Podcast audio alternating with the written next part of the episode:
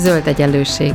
Bolyongás a gazdaság és a fenntarthatóság összefüggései között, az ökológiai közgazdaságtan gondolatai mentén.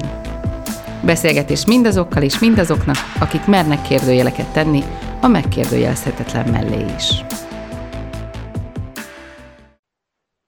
Köves Alexandra vagyok, és nagy szeretettel köszöntöm a hallgatóinkat, és nagy szeretettel köszöntöm vendégemet, Gagyi Ágnes, szociológust, a Göteborgi Egyetem kutatóját, a Szolidáris Gazdaság Központ tagját. Szia, Ági! Szia! Köszönöm a meghívást! A hónapunk témája az ökológiai közgazdaságtan és a politika, és um, ennek az adásnak a témája az ökopolitika és kommunizmus, áthallások és különbségek, de még mielőtt elkezdenénk erről beszélgetni, szeretném, hogyha így röviden bemutatkoznál, hogy a hallgatók is uh, tudják, hogy kivel beszélgettek. Hát én Gagyi Ágnes vagyok, társadalomkutató. Jellemzően kelet-európai társadalmi mozgalmakat és politikát uh, szoktam kutatni azzal összefüggésben, hogy, hogy ezek hogy függnek össze a térség hosszú távú globális integrációjával. Uh, írtam korábban középosztálybeli mozgalmakról, ilyen történeti hosszú hullámok uh, kontextusában. Uh, most a Göteborg Egyetemen két projektben vagyok benne, az egyikben lakhatási küzdelmeket nézünk Kelet-Európában 2008 után, a másikban pedig városi zöld infrastruktúra és klíma összefüggését. Köszönöm szépen, és akkor szerintem csapjunk is bele. Amikor ennek az adásnak a témáján gondolkodtam, akkor az jutott eszembe, hogy, hogy igazából, amikor az ökológiai gazdaságtanról kérdeznek engem, vagy, vagy mondjuk adott esetben több ember előtt előadást tartok, akkor nagyon sokan vannak, akik így, így azonnal szinte zsigerből hoznak valamiféle konklúziót az én ideológiai hátteremről, és ez általában két dolgot szokott jelenteni hogy vagy hippi vagyok, vagy kommunista. És valahogy, valahogy ezért is gondolom, hogy, hogy érdemes lenne, nyilván most a hippiségről nem fogunk beszélgetni, de hogy, hogy azért jobban megvizsgálni azt, hogy, hogy a zöld gondolatok, az ökológiai közgazdaságtan és a kommunizmus közötti milyen áthallások vannak, milyen jelentős különbségek vannak, és hogy, hogy hogyan vélekedik az egyik a világról, és ho, ho, hogyan a másik. Szerintem kezdjünk először a, az áthallásokkal. Um, amikor azt szokták mondani, hogy hát igazából az, amiről beszélek, hát ezt már kipróbáltuk, azt úgy hívták, hogy kommunizmus, akkor, um, akkor én azt szoktam válaszolni erre, hogy hát a legfontosabb közös pont az az, hogy mind a kettő a kapitalista rendszer kritikájából um, indul ki. Szerinted a kritikák közül mik azok, amik a leginkább átfednek? Ha, hát ezt érdemes onnan megközelíteni, vagy onnan is, hogy, hogy történetileg mi a, a zöld mozgalom és, és a kommunizmus, amikor azt mondjuk a kommunizmus, az mire vonatkozik. Most csak a kommunizmusról beszélve, ugye egyrészt volt egy történeti mozgalom, 19. század, 20. század eleje, ennek speciális akkori kontextusa, ilyen világmegváltó uh, hit, meg hasonlók, tehát az egész kontextus az, az ma nincsen, ez egy történeti dolog. Akkor volt az államszocializmus, ami többek között ugye pont ezeknek a kommunistáknak, meg az elveiknek a leverésével épült ki, uh, és a mi térségünkben egy nagyon fontos történeti valóság, aminek ugye ezekhez a korábbi kommunista elvekhez kevés köze van, bár persze használták a mint ideológiai hivatkozást, és akkor van a harmadik téma, ami minket most gondolom még inkább érint, ami az, hogy, hogy most mi van, tehát hogy most, amikor egyszerre van globális gazdasági válság, meg klímaválság, mi közük egymásnak a baloldali és zöld mozgalmaknak. És erre az utolsóra Szerintem az fontos hangsúlyozni, hogy, hogy most nem ott van egy nagy törésvonal, hogy valaki zöld vagy baloldali, hanem, hanem egy másik törésvonal látszik, hogy valaki úgy zöld vagy baloldali, hogy attól remél javulást, hogy valahogy a dolgozóknak, meg a klímavédelemnek a, a céljait összekötik a tőkés növekedéssel. Tehát, hogy mondjuk olyan ilyen szociáldemokrata program, ami arra vonatkozna, hogy, hogy segítsük a tőkés növekedést, és, és próbáljunk a munkások számára is minél nagyobb részt megszerezni a, ebből a növekedésből, vagy a zöld kapitalista megoldások. És akkor ezzel szemben a törés másik oldalán vannak az ugyancsak zöld vagy baloldali mozgalmak, amikben az a közös, hogy, hogy nem gondolják, hogy, hogy a társadalom vagy a, az ökológiai rendszereknek a védelmét meg lehet oldani a tőkés növekedésen belül. Szóval, hogy, ez a fontos viszony, ami a mai mozgalmakat illeti szerintem. Igen, tehát hogy, hogy, hogy ezek, ezek azok, amik, amik átfednek és megkülönböztetik a, a kettőt egymástól? Ezt mondod elméletben? Hát ezt mondom, hogy, hogy hogyha a mai mozgalmakat nézzük, akkor nem a zöld vagy baloldali között van különbség, hanem a között, hogy, hogy úgy zöld és baloldali, hogy, hogy a tőkés növekedéshez köti a céljait, vagy úgy zöld és baloldali, hogy, hogy azt mondja, hogy, hogy valahogy át kell szervezni a teljes gazdaságot, mert a tőkés növekedés az, ami egyszerre a dolgozóknak és egyszerre a környezetnek is rosszat tesz. Pontosan mik is azok a kritikák, amik, uh, uh, amikről itt beszélünk? Hát ugye az egyik uh, irány, a zöld irány, az az, hogy, hogy mit csinál a jelenlegi világgazdaság a környezettel, de hogy nem csak azért, mert nem tudom, cuki pandák kihalnak, hanem mert, mert a saját életfeltételeinket most már olyan szinten romboljuk, hogyha ez így megy tovább még mondjuk tíz évig, akkor elég rosszak lesznek a túlélési esélyeink. Ez az egyik. A másik az a ugyanennek a társadalmi aspektusa, tehát hogy, hogy van egy erős társadalmi polarizáció, ha globálisan nézzük, akkor még sokkal durvább, tehát hogy, hogy, hogy miért kell mondjuk embereknek bizonytalan munkakörülmények között ilyen elképesztő gyorsan pakolni fagyott húsokat migráns munkában, valami gyárban, ahhoz, hogy aztán az élelmiszernek nagyon nagy része a szemétben végezze, tehát hogy, hogy egyszerűen nem, nem azok szerint, a szempontok szerint működik a gazdaság, hogy az, az emberiségnek amúgy jó legyen.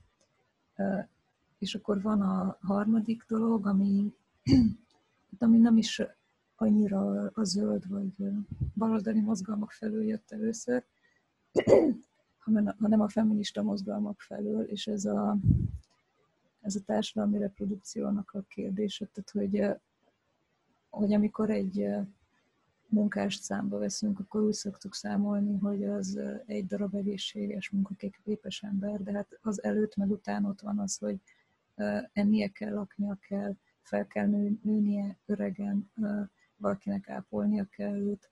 Tehát, hogy hol van ez, ami lehetővé teszi az emberi életet, ez a reproduktív gazdaság az egész történetben általában nagyon hátra van sorolva, alul van fizetve, vagy nincs megfizetve.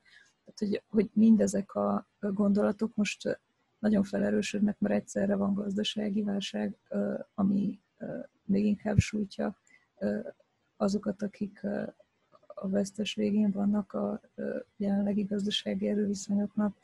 Egyszerre van klímaválság, és egyszerre van egy, egy reproduktív válság is, ami gazdasági válság kapcsán is már elkezdett kialakulni, de most a vírushelyzet eléggé megmutatja, hogy, hogy, hogy csupa olyan munkán múlik az emberek élete, amiket korábban ilyen teljesen mellékes alsó fizetési besorolású, nem megbecsült munkáknak tartott a rendszer.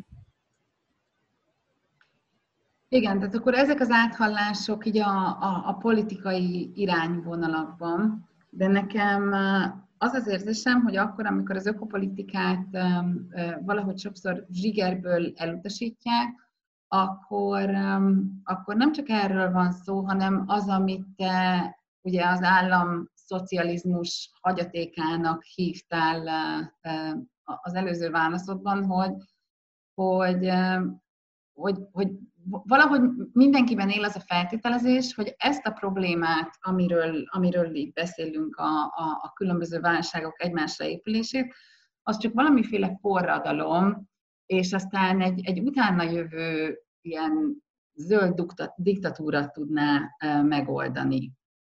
És, és ugye ez meg, ez meg az a hagyaték, amit mondtál, hogy ugye az államszocializmusnak a hagyatéka. Pedig ugyanakkor a, az általam ismert legtöbb zöld gondolkodó az, az mélyen elutasítja a másokra rákényszerített változás gondolatát, és sokkal inkább bízik egy, egy alulról jövő organikus változat, változásban. Szerinted hogyan lehet így a baloldali gondolkodás elméletéről lefejteni ezt az államszocializmus megvalósításához kapcsolódó ilyen diktatórikus elemeket? Aha. Hát ugye megint két oldal van, az egyik a múlt, tehát hogy maga a kommunista történeti mozgalom sem azt akarta, ami aztán az államszocializmus lett. A, a másik oldala az, hogy, hogy ami történt az államszocializmusban, tehát a mostani baloldali hagyomány az, az sok tíz éve annak a kritikájából áll. De egy kicsit visszatérnék még előtte a, magára erre, hogy, hogy mi volt az államszocializmus, mi volt az a diktatúra, ami benne történt. Tehát ugye az, hogy a, az állam kisajátított tulajdont, meg, meg centralizálta a gazdasági, meg minden más döntéshozatalt, annak az volt a, a, az volt a politikai narratívája, hogy ez azért kell, hogy megvalósítsuk a kommunizmust, ami a teljes demokrácia. De, de nem a kommunizmus valósította meg, hanem ami valójában történt, az az volt, hogy, hogy ez az államszocialista diktatúra látta el azt a feladatot, hogy, hogy úgy modernizálja a, szocialista országokat, ahogy azt a kapitalista globális gazdaság külső körülményei megkövetelték. Tehát ugye ez, ezért volt mondjuk a mezőgazdaság egy ilyen háttér, meg a vidék, ahonnan erőforrást vonunk el ahhoz, hogy, hogy iparosítani tudjunk miért kellett annyira iparosítani azért, mert a külső kereskedelemben a technológiai elmaradottság miatt voltak alárendeltek ezek az országok, és akkor ez az utolérni a kapitalista országokat prioritásrendszer, ez magában az államszocialista gazdaságon belül érvényesítette ezeket a külső prioritásokat, tehát végül is egy, egy erőszakos modernizáció a külső kapitalista követelmények szerint. Persze, akik ezt csinálták, nem, nem csak ezt gondolták, meg, meg komolyan hittek abba, hogy, hogy nem tudom, terjeszteni kell a népnek elérhető kultúrát, meg tényleg volt olyan egészségügy, amilyen aztán később nem lett, stb. De, de hogy így nagyon távolról visszanézve az alapvető funkciója hosszú távon ez volt, és ennyiben elég távol esik. Attól a kérdéstől, ami ma fel van téve a mozgalmaknak, hogy hogy tudod úgy átalakítani ugyanezeket a nagy globális prioritásokat, hogy, hogy ne, ne fussunk bele egy a mainál is sokkal súlyosabb katasztrófába.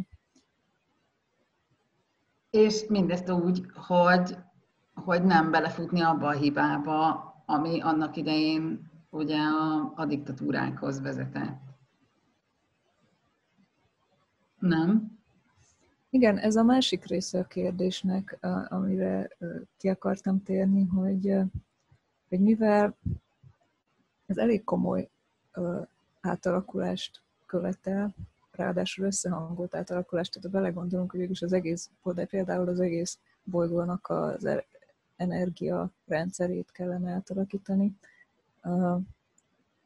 ezért mindig felmerül a, az állami beavatkozás kérdése, és ez nem azért, mert, mert a távlati célja bármelyik mai zöld vagy oldali mozgalomnak a globális diktatúra lenne, hanem azért, mert, mert az állam lehet egy olyan szereplő, ami meg tud tenni lépéseket, anélkül, hogy azt az csak a profitabilitás motiválná. Tehát, hogyha csak a piacra bízzuk a zöld átmenetet, akkor akkor lesz zöld átmenet csak ott, és csak akkor, ahol ez profitábilis. De hogyha a, az emberiség túlélése érdekében még ezen túl is szükség van lépésekre, már pedig szükség van, akkor ki fogja azokat a lépéseket megtenni.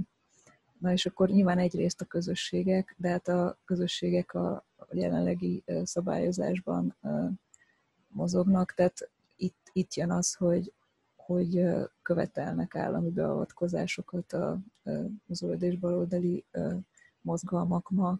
Például ilyet, hogy legyen olyan köztulajdonban levő bank, ami zöld bankként funkcionál és finanszírozza a zöld beruházásokat, vagy ilyen a, a zöld New Deal-nek a gondolata, amit a az amerikai New Deal-nek a mintájára találtak ki. És akkor ott az lenne a gondolat, hogy egy olyan gazdaságélénkítő, illetve gazdaság átalakító állami program, ami a, nem csak a feltétlenül a profitot szolgáló, hanem a zöld átmenetet szolgáló átalakításokat támogatja itt viszont van természetesen egy, egy kérdés, illetve egy határ, vagyis, hogy, hogy például a, a Green New Deal az, ami a konkrét program lesz, meg ami a konkrét megvalósítás lesz, azokat a döntéseket ki tudja befolyásolni. Valamennyire befolyásolni tudják a mozgalmak, de, de az állami döntéshozást az igazi hatalommal bíró szereplők is befolyásolják, és hát azt látjuk mondjuk az Európai Green New Deal programban, hogy, hogy az erősebben szolgálja az európai tőke, meg megújuló tőke érdekeit, mint amennyire azt a, mint, a, mint azokat a célokat, amiket a, a zöld mozgalom eredetileg javasolt. Ami még sokszor felmerül ezekből a típusú beszélgetésekbe, az ugye a, a tulajdonnal kapcsolatos kérdések. Tehát, hogy, hogy, hogy nyilván az ökológiai közgazdaságtan is sokat gondolkozik arról, hogy hogyan kellene a, a tulajdoni szerkezeteket átalakítani, például, ahogy már ugye említetted is, az energiaellátás tekintetében, az élelmezés tekintetében hogyan lehetne sokkal inkább decentralizáltabb közösségi tulajdonba visszavenni dolgokat, hogyan lehetne mondjuk biztosítani a, a, a tudás nyílt hozzáférhetőségét. Ráadásul ugye sokat beszélünk a megosztáson alapuló megoldások előtérbe helyezéséről, és és hát nyilván ezek, ezek, a, ezek a kérdések, ezek főleg azoknál, akik, akik megérték az államszocializmust, visszahozza azokat a kérdéseket, hogy jó, de akkor, akkor nem akarunk magántulajdont, akkor, akkor, akkor, akkor nem, nem lesz magántulajdonunk. És hát én megmondom őszintén, hogy, hogy, hogy kevés olyan ökológiai közgazdásszal gondol, találkoztam eddig, aki úgy általában a magántulajdon ellen kelt volna ki. Ebben a kérdésben szerinted hol vannak a, az áthallások, és hol vannak a különbségek?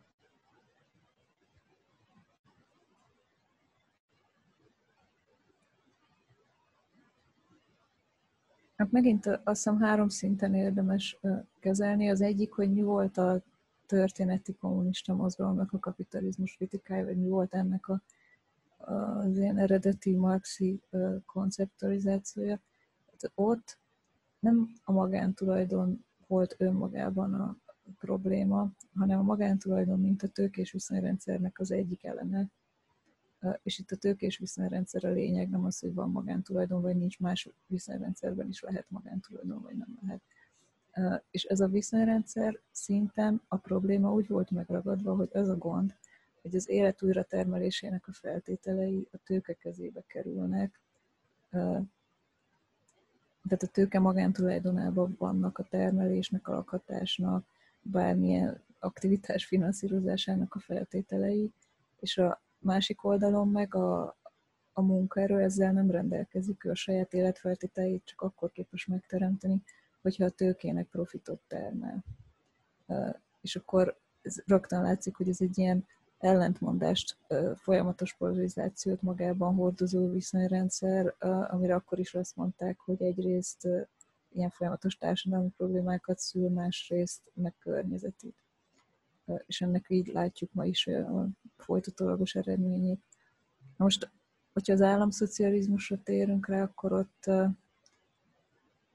ott egyrészt volt egy államosítás, másrészt mellette megmaradt a magántulajdon, egy ilyen jellemző hierarchikus viszonyban a kettő között, tehát mondjuk volt állami lakásépítés, de közben a, az emberek többsége még mindig saját tulajdonú vagy saját építésű házban lakott, és az államosított része a gazdaságnak az ezt szolgálta, amit az előbb mondtam, ez a külső kapitalista logika szerinti utolérés felzárkózás programját, amikor az állami tulajdonon keresztül az állam érvényesíti végülis ugyanazt az ilyen hosszú történeti polarizációs folyamatot, mint amit az eredeti kommunista történeti mozgalom kritizált. És hogyha azt nézzük, hogy a, a mai mozgalmak mit mondanak a tulajdonról, akkor, akkor ott is az látszik, hogy igen, hangsúlyozzák ezt, hogy decentralizáció legyen, minél inkább helyi kontroll, közösségi kontroll, ez közös a zöld és új mozgalmakban, de hogy a lényeg az nem a tulajdonforma, hanem az, hogy, hogy, hogy hol a kontroll. Hogy a feltételei az ökológiai és társadalmi életnek azt ki tudja megteremteni, ki tud ezekről dönteni. Ennek a tulajdon, meg a tulajdoni szabályzás csak az egyik eszköze, és, és nem feltétlenül ez a döntő eszköz. És ma mondok is egy példát, tehát hogy van ez a commons gondolat, ami az Elinor Ostrom Nobel-díja óta nagyot futott az erről való gondolkodásban, és ugye ott az volt, hogy ő azt mutatta meg, hogy nem igaz ez a közlegelő tragédiája történet, mert nem, nem az történik, hogyha valami közös, akkor mindenki egyéni érdekből kihasználja, és, és szükségszerűen leromlik a közös vagyon, hanem megnéztek több mint 700 esetet a világ körül, ahol valamilyen erőforrás, milyen commons gazdálkodás alatt van, közös ilyen halászati, meg vízrendszereket, meg erdőket, meg stb és azt találták, hogy valójában társadalmilag és ökológiailag ezek fenntarthatóbbak.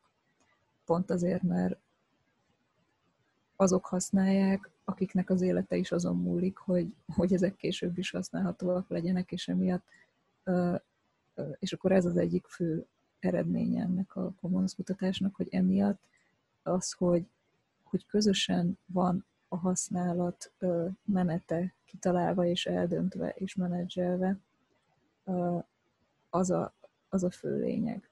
És akkor mondok még egy ilyen még közeli példát, tehát hogy mondjuk van egy öntözési rendszer, amit kis meg középgazdálkodók egy területen együtt működtetnek. És akkor ebben a víz az commonsnak számít, tehát az nem senkié, hanem azt mindenki használja.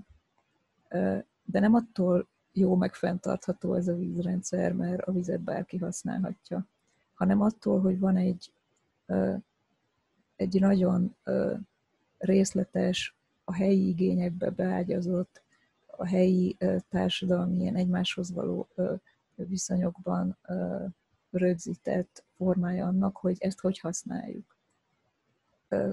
ki ellenőriz mit, mások mikor szólhatnak bele, ha szükség vagy van arra, hogy még többet használjál, akkor azt, hogy beszéled meg a többiekkel, hogy Uh-huh. Erről egyébként elég sokat beszéltünk két adással ezelőtt uh, Sidó Zoltánnal, amikor a szolidáris gazdaságról uh, beszéltünk. Um, de hogy, hogy igen, szerintem, szerintem fontos ennél a témánál is behozni, hogy, hogy, hogy a magántulajdon, meg az állami tulajdon hogyan függ össze, és hogy egyébként meg van egy, van egy másik megközelítés is, ami így a, a, a, a közösségi tulajdon, amivel meg ennyire e, erősen még nem, nem próbálkoztunk a történelem során, vagy hát próbálkoztunk csak nagyon régen, ami már túl van a, a, a, a mi emlékezetünkön. Um, még beszéljünk röviden, mert már nem, nincs annyira sok időnk, de hogy röviden még beszéljünk um, arról, ami hát szerintem az egyik legerősebb áthallás, meg arról, ami szerintem talán a, a legelősebb különbség. A, a legerősebb áthallás az szerintem az, hogy, hogy nyilvánvalóan mind a két irányzat uh, uh, újraelosztásban gondolkodik. Um, és majd szeretnék a későbbiekben egy, egy külön adást ennek a témának szánni, de hogy, hogy szerinted miben fed át leginkább egy zöld gondolkodó újraelosztási igénye, és az az újraelosztási mechanizmus, ami, ami mondjuk a, a, a kommunizmus egyenlőségi törekvései mentén jelentkezett. Hát, hogyha az államszocializmust nézzük, akkor kevéssé fel át. Mint az, hogyha állami működtetésben ugyanúgy a globális kapitalista prioritások szerint működtetünk egy gazdaságot, az biztos, hogy nem lesz jó uh, klíma szempontból. Hogyha a mostani baloldali mozgalmakat nézzük, akkor, akkor nagyon erős az átfedés, mert pont emiatt, mert, mert mind a két mozgalom azt gondolja, hogy, hogy magát a, az érdekviszonyokat, meg a gazdaság működtetésének a rendszerét kell átalakítani. És akkor itt van egy, egy olyan gondolat, ami még ide tartozik, hogy, hogy pont emiatt uh, igazából én azt látom, hogy mind a két irányzat uh, Zsid azt is keresi, hogy az újraelosztáson hogy lehet tovább lépni mert hogy a, az újraelosztás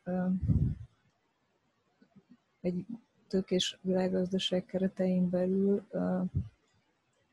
és attól tud függeni, hogy, hogy a, az abban megtermelt jövedelem, tehát is egy tőkés jövedelemből, hogy lehet nagyobb százalékot újraelosztani környezetvédelmi vagy társadalmi célokra. De hogyha, hogyha az a problémánk, hogy, hogy, hogy ez a robusztus nagy globális gazdaság, ez maga az, ami felszámolja az élet körülményeket, akkor akkor ez az újraelosztás, mint egy utólagos elosztás, ez azt mondják sokan, hogy át kell hagyják adni a helyet az előzőleges elosztásnak, ezt így mondják, hogy redistribution helyett predistribution ami ugyanez, mint ami a Commons, meg stb. Tehát, hogy, hogy hogy lehet olyan rendszert csinálni, ami a közösségi és ökológiai életfeltételei fölött az érintettek kontrollját biztosítja. És akkor megint, hogyha mondjuk energiáról beszélünk, akkor itt olyan az állami és, és közösségi energiarendszerek közti partnerségről gondolkoznak, ahol, ahol mondjuk nem attól függ, hogy az, hogy van, akinek van energiája, hogy hogy a mindenkori kormányok felülről úgy döntenek-e, hogy, hogy visszajuttatnak neki energiát.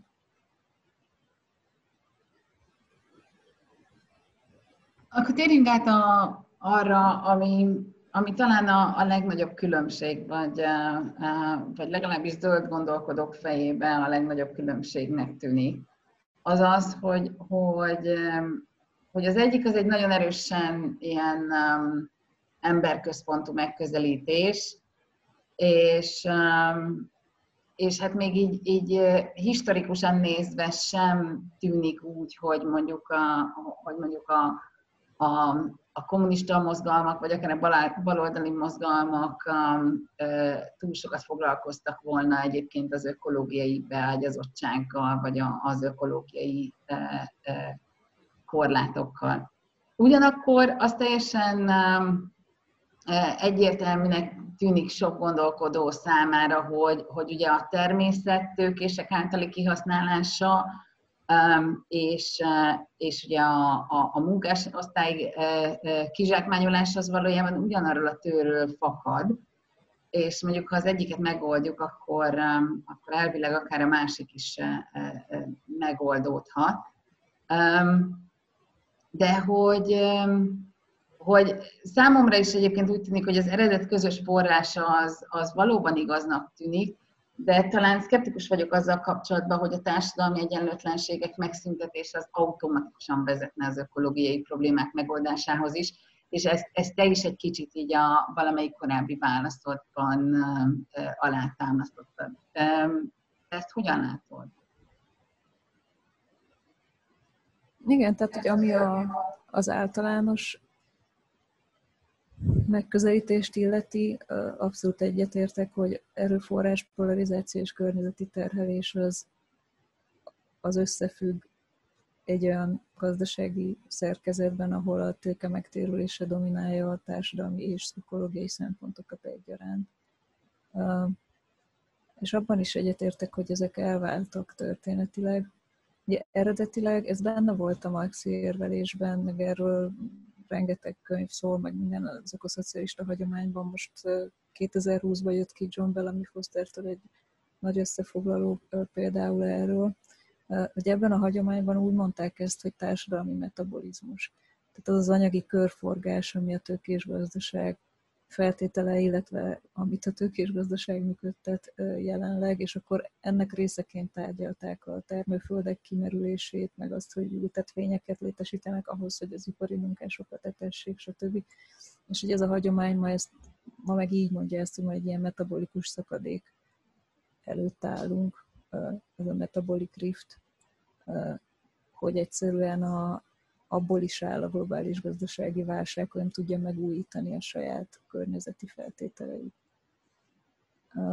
De hogyha megnézzük meg az államszocializmus esetét, akkor, akkor ugye ez történik, amit eddig mondtam, hogy az állam elvégzi a külső kapitalista világgazdaságnak alárendelt modernizációt, és hát ebben azt csinálja a szocialista állam, ami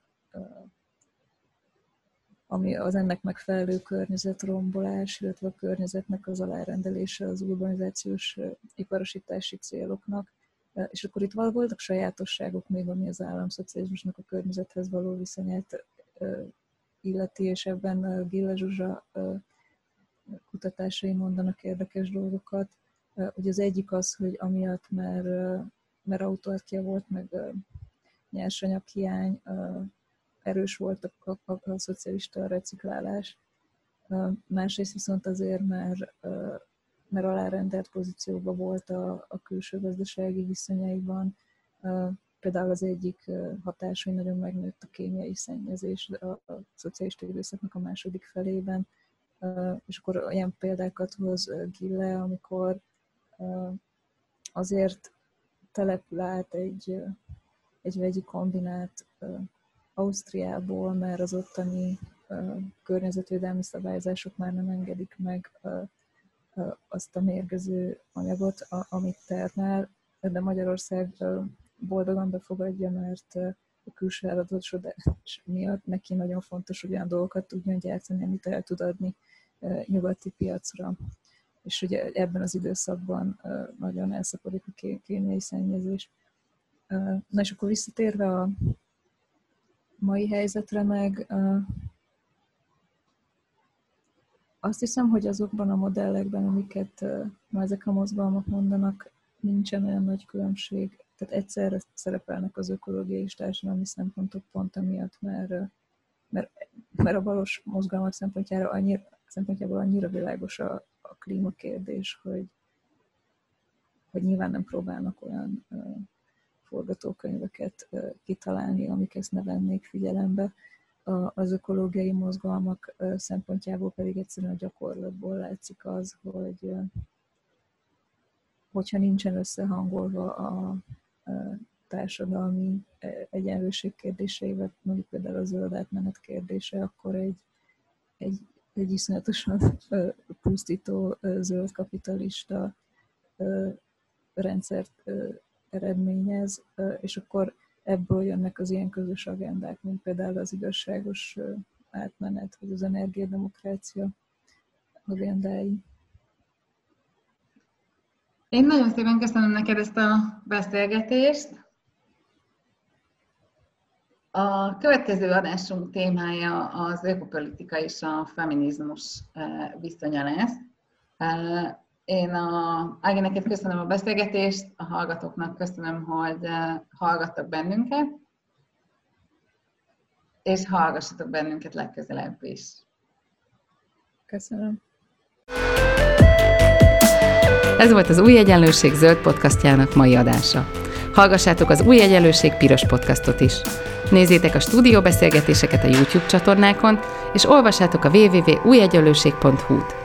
Vitatkozzatok velünk a Facebook oldalunkon. Jövő héten újra találkozunk.